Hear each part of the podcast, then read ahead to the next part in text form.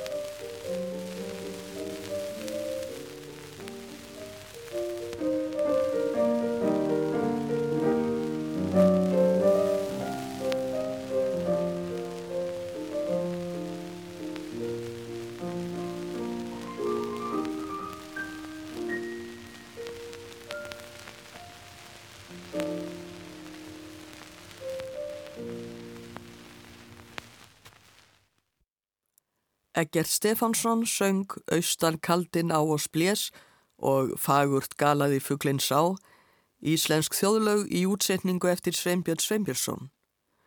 Upplýsingar vantar um nafn pianoleikarans en hljóðritunin er gerð árið 1926.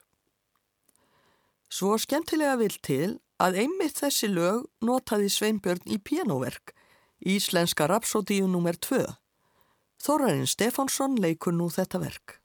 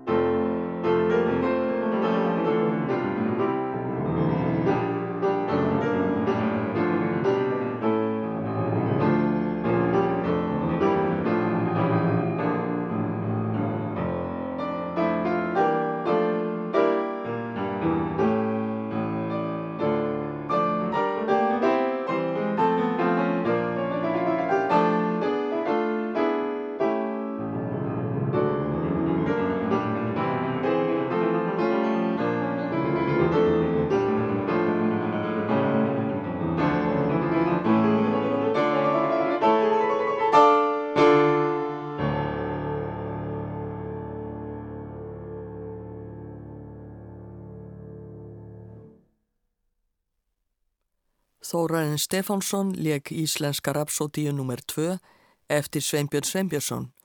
Verkið er að líkjendum samið í kringum 1920.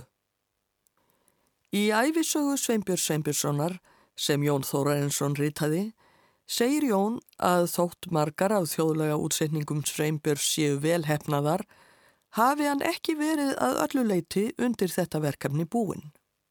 Tónhugsun hans eins og annara af sömu kynnslóð var stránglega bundin dúr mólkerfinu og hinnar fordlegu tóntegundir þjóðlagana voru honum framandi, svo sem marka má bæði á meðferð hans á þeim og ummælum í fyrirlestrum og rétgerð sem varðveittir í skjölum hans í landsbókasafni.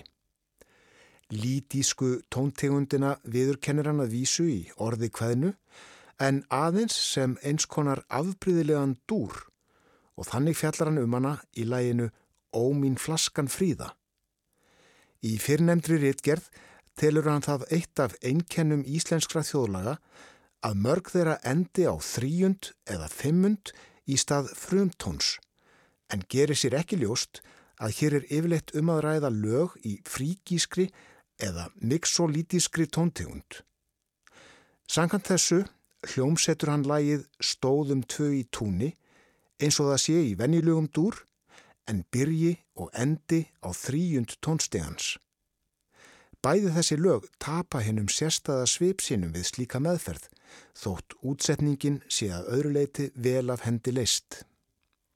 Ég hef því miður ekki fundið neina hljóritun af læginu Stóðum tvö í túni, en hér kemur lægið Ó mín flaskan fríða í útsetningu Sveinbjörns.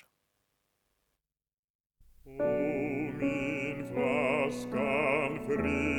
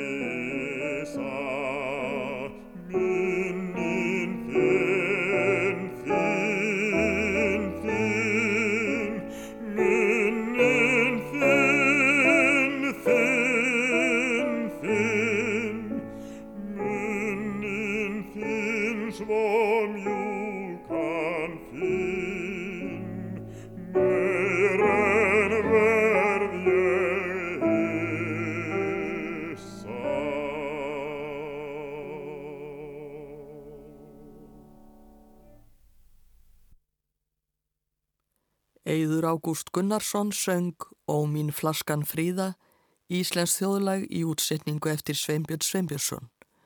Ljóðið er eftir Eggert Ólafsson og Ólafur Vignir Albertsson lék á pianoið. Þá heyrum við lög nummer 2 og 4 í þjóðlagasafni Sveinbjörns. Hið fyrra er við gaman hvæðið Hættu að gráta ringan á eftir Jónas Hallgrímsson en hið síðara er við sagnakvæðið forðum tíð eitt brjótur brands eftir Guðmund Bergþórsson. Lægið Hætt að gráta ringan á er ekki í þjóðlegarsafni Bjarnar Þorstenssonar. Þurriður Pálsdóttir syngur og Fritz Weisabell leikur með á piano.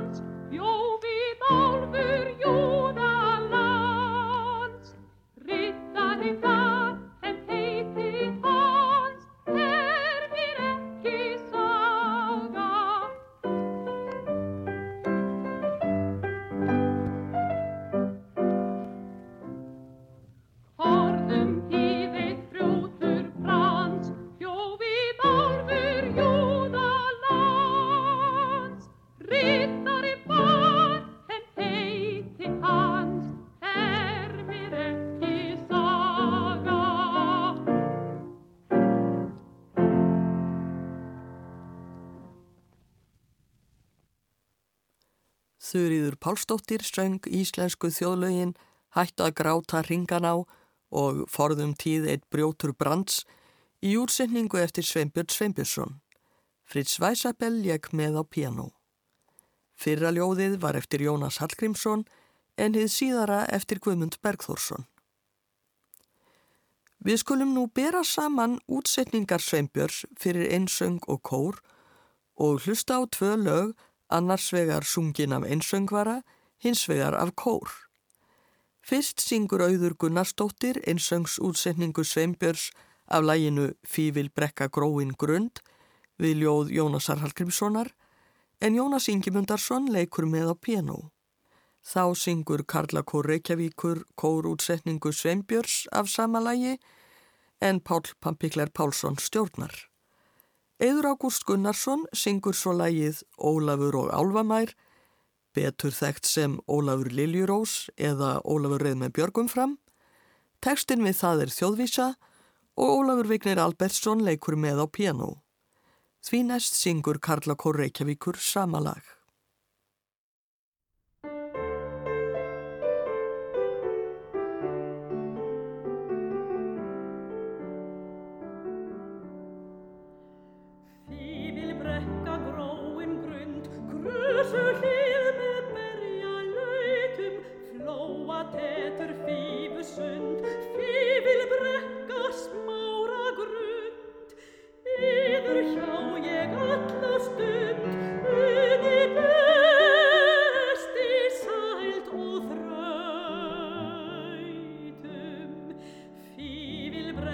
gróin grund grösu hlið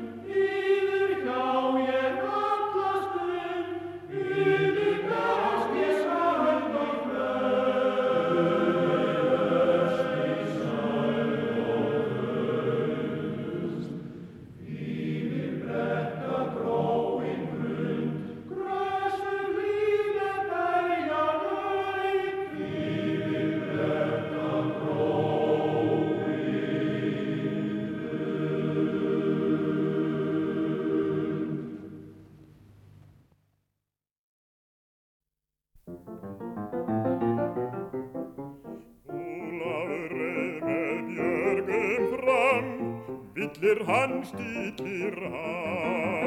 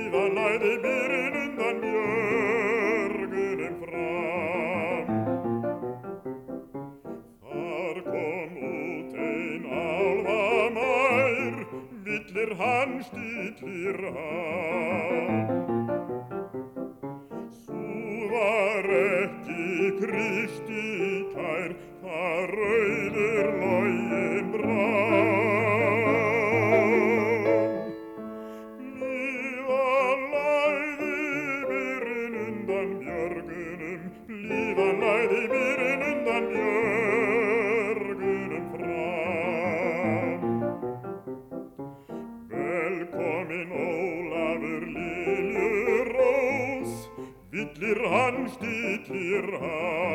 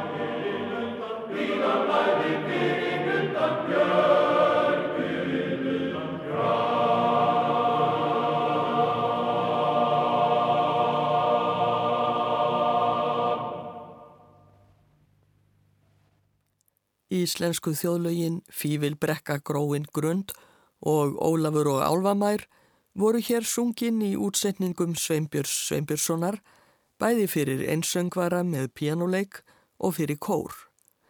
Karlakór Reykjavíkur söng kórútsetningarnar en Pál P. Pálsson stjórnaði. Auður Gunnarsdóttir söng Fífil brekka gróin grund en Jónas Ingimundarsson lék á piano, ljóðið er eftir Jónas Hallgrímsson. Eður Ágúst Gunnarsson söng Ólafur og Álfamær, Ólafur Vignir Albertsson lék með á piano. Lögin sem hingað til hafa verið flutt hér í þættinum eru flest alþekkt. Næst koma hins vegar tvö þjóðlög sem sjaldan heyrast. Fyrst Nú grætur mikinn mög, við ljóð eftir Jón Þorláksson. Þá Ei glóir æ á grænum lauki, við ljóð eftir Sveinbjörn Eilsson. Í þjóðlagasafni Bjarnar Þorsteinssonar má finna lag við Nú grætur mikinn mög en það er annað lag en hjá Sveinbyrni. Ei glóir æg á grænum lauki er líka talsvert öðruvísi hjá Seimbyrni en hjá Bjarnar. Þurriður Baldurstóttir syngur en Kristinn Örd Kristinsson leikur með á piano.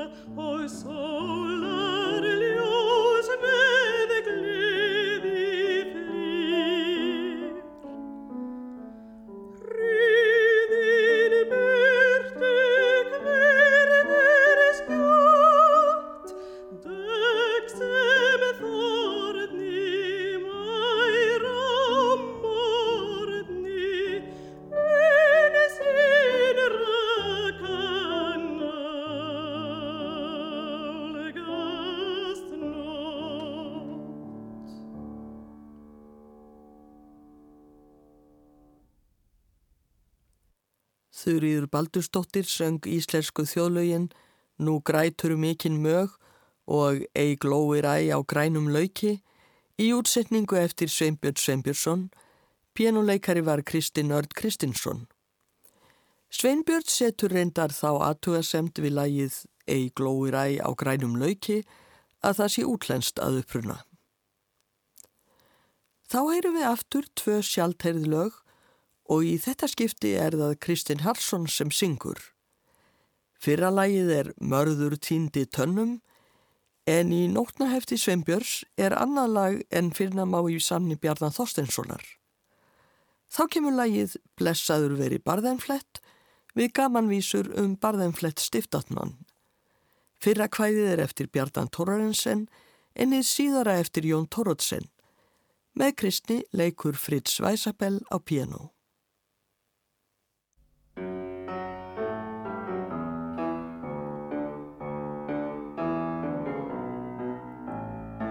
Mörður tindi tönnum. Til það kom af því. Hann beiti bak á mönnum. Svo beini festi í. Þó er gemlan eftir ein.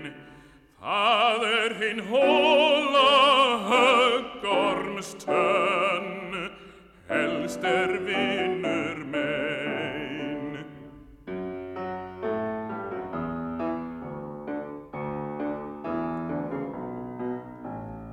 Mörður týndi tönnum til það kom af því. Hann beiti bak á mönnum svo beini festi. Í þó er gemlan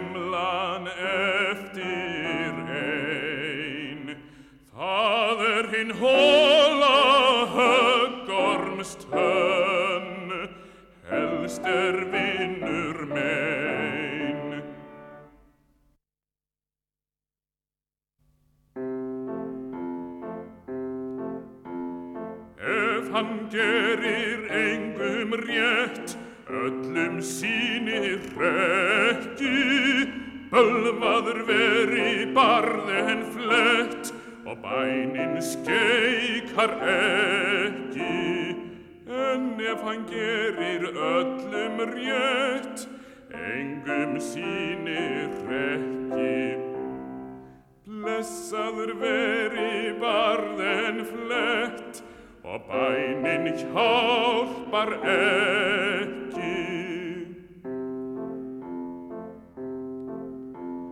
Ef hann gerir engum rétt, sínir ekki, bölvaður veri barð en flett og bænin skeikar ekki.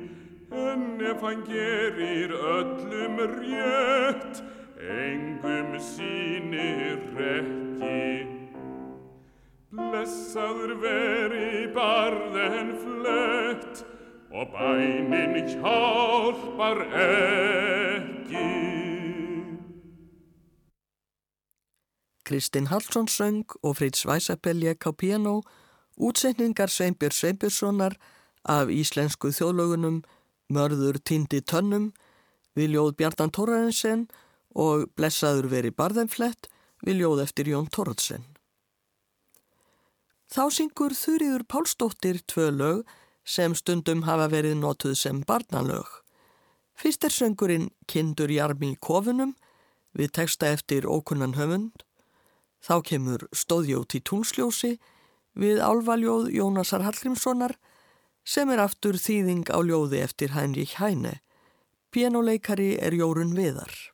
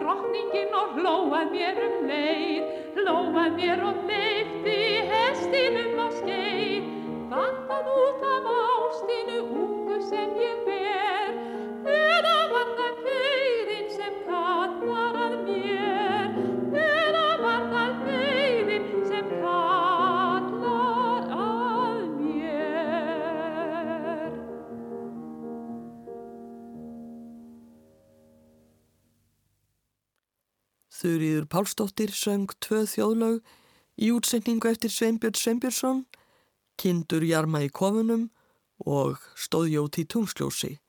Jórun Viðar leik með á piano. Lægið sem fluttverður hér að lokum er kannski frægast allra lagana sem byrtust í þjóðlagahefti Sveinbjörn Sveinbjörnssonar árið 1914.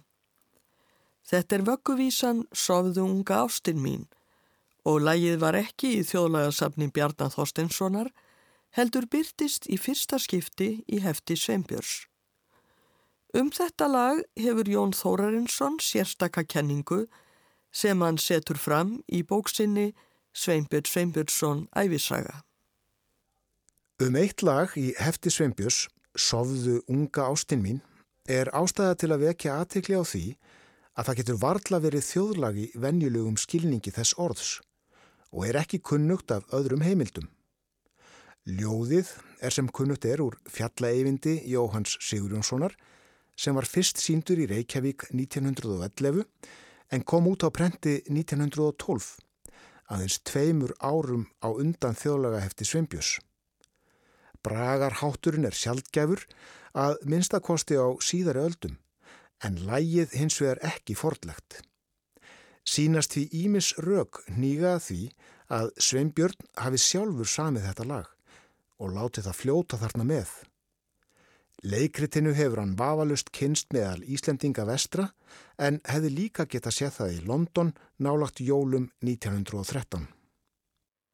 Getur það verið rétt hjá Jóni Þóraðinsinni að Sofðu unga ástin mín sé ekki þjóðlag heldur frumsamið af sveimbyrni? Það er hugsanlegt en þó má spyrja hvers vegna hann hafi þá ekki byrt svo ágætt lag sem sína tónsmíð. Mér finnst Jón líka gera nokkuð mikið úr því að bragarhátturinn sé svo sjaldgæfur. Bóluhjálmar notaði til dæmis þennan bragarhátt í kvæðinu Feigur Fallandarsson. Mér er orðið styrt um stef og stílvopn laust í höndum.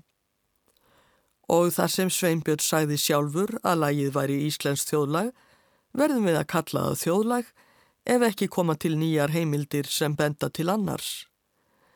En hvernig sem lagið er tilkomið er ljóst að þjóðin á þessa perlu Sveinbjörnin Sveinbjörnsinni að þakka, hvort sem hann hefur sami lagið eða byrt þarna þjóðlag sem hann mundi frá æsku árum og líklega hefði glatast að öðrum kosti. Guðrún Tómasdóttir syngur nú lagið Sofðu unga ástin mín í útsetningu Sveinbjörns en Ólafur Vignir Albertsson leikur með á piano.